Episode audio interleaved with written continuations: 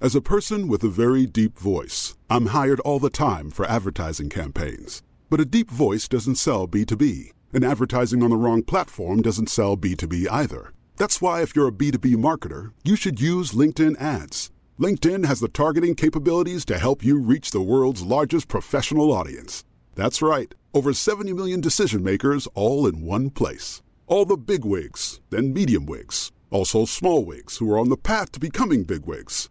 Okay, that's enough about wigs. LinkedIn ads allows you to focus on getting your B2B message to the right people. So, does that mean you should use ads on LinkedIn instead of hiring me, the man with the deepest voice in the world?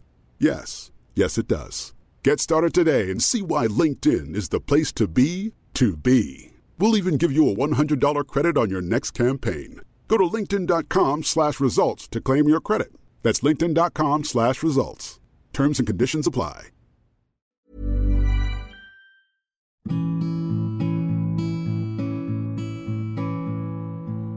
Ternyata luka emang seampuh itu yang ngasih perubahan di dalam diri seseorang. Ternyata benar yang orang-orang bilang, bahwa setiap luka memberi pelajaran, dan setiap pelajaran membawa perubahan. Bahwa kadang, kita baru mampu untuk lebih rela setelah menerima rasa sakit yang luar biasa. Kadang, kita emang harus patah dulu, harus ngerasain hancur dulu, sebelum akhirnya kita bisa paham bahwa dengan memilih berdamai dengan semuanya, jauh lebih bikin keadaan kita setenang dan seindah itu. Dan akhirnya, setelah ngelewatin perjalanan yang panjang sekaligus banyak drama, sekarang aku berhasil juga sampai di titik ini. Titik di mana aku sadar bahwa ternyata gak sama kamu aku gak apa-apa. Ternyata gak sama kamu juga gak seburuk itu sih. Gak kayak apa yang selalu aku takutin dulu. Karena di antara pemikiran aku yang kemarin dengan apa yang udah terjadi sekarang, akhirnya aku menjadi aku yang baru. Aku yang gak lagi punya ketakutan besar perihal perginya kamu. Aku yang gak lagi menyimpan banyak kekhawatiran perihal berakhirnya kita. Yang dulunya aku selalu ngira kalau gak sama kamu hidup aku bakal hancur, bakal kehilangan arah, tapi akhirnya sekarang aku tahu bahwa tanpa kamu pun hidup aku masih baik-baik aja. Yang dulunya aku selalu mikir, kalau nggak dari kamu, dari siapa lagi aku bisa ngerasain bahagia. Tapi akhirnya sekarang aku sadar bahwa aku bisa bahagia gak cuma sama kamu aja. Yang dulunya aku selalu khawatir gimana bisa aku ngelanjutin hidup kalau nggak ada kamu. Tapi lagi-lagi sekarang aku sadar bahwa sekalipun tanpa kamu, I was doing everything fine. So fine. Even more than fine.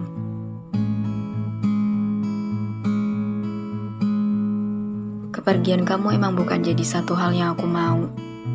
Berakhirnya kita juga jadi satu hal yang selalu aku harap gak akan pernah terjadi. Tapi inilah hidup.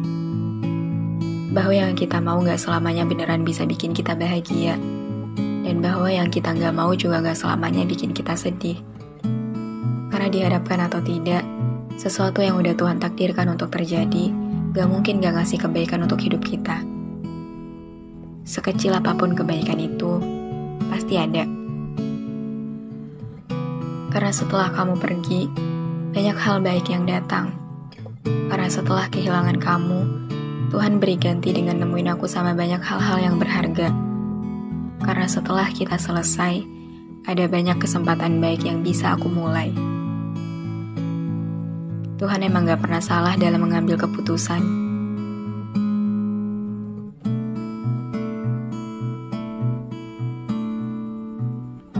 Dan dari kejadian ini akhirnya aku paham bahwa gak semua kepergian hanya tentang kesedihan.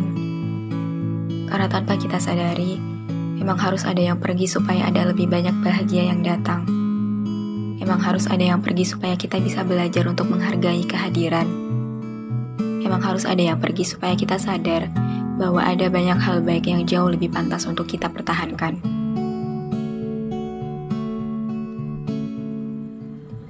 Kalaupun emang gak sama kamu, ternyata aku gak apa-apa.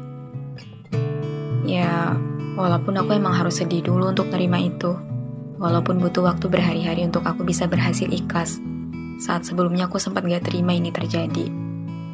Walaupun awalnya ada banyak hal yang aku salahkan dan aku sesali. Tapi sampai akhirnya, aku berhasil untuk lewatin itu dengan cukup baik sih. Sampai akhirnya aku berhasil berdamai dan yakin kalau ini emang yang terbaik. Sampai akhirnya pikiran aku juga bisa lebih terbuka. Karena aku sadar bahwa secinta apa pun aku sama kamu, aku tetap harus lebih cinta sama diri aku sendiri. Bahwa sebesar apa pun keinginan aku untuk kamu bahagia, aku tetap harus lebih mengutamakan kebahagiaan aku sendiri. Sedangkan kemarin, aku sempat lupa sama diri aku sendiri karena terlalu menomorsatukan kamu. Karena aku sadar, kalau kemarin aku terlalu bergantung sama kamu. Aku terlalu menggantungkan kebahagiaan aku sama kamu Aku terlalu mengutamakan banyak hal cuma demi kamu. Itu makanya setelah gak sama kamu, setelah kamu mutusin untuk pergi, aku sempat gak baik-baik aja.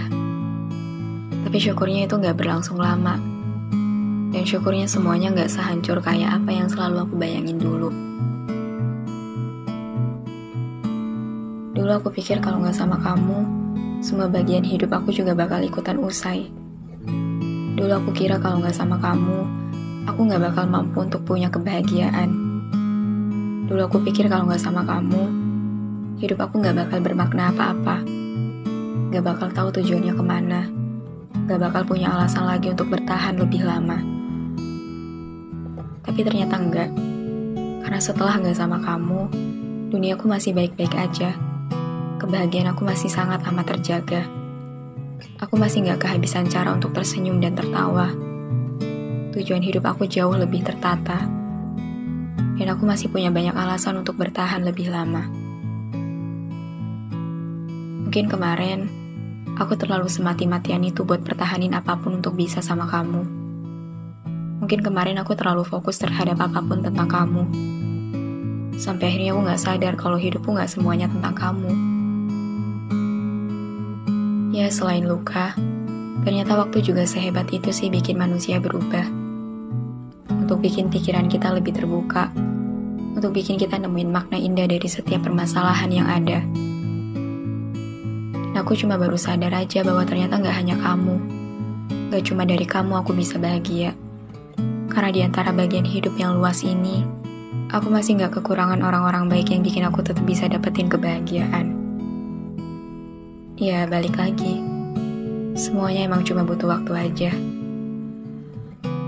Awalnya aku kira nasib aku bakal kayak lagu Mariah Carey yang judulnya Without You. Tapi ternyata sekarang aku lebih relate sama lirik lagunya Temi Impala yang judulnya The Less I Know Better. Awalnya aku kira I can't live without you, but now I'm realized that I was doing fine even without you. Iya, ternyata gak sama kamu aku gak apa-apa.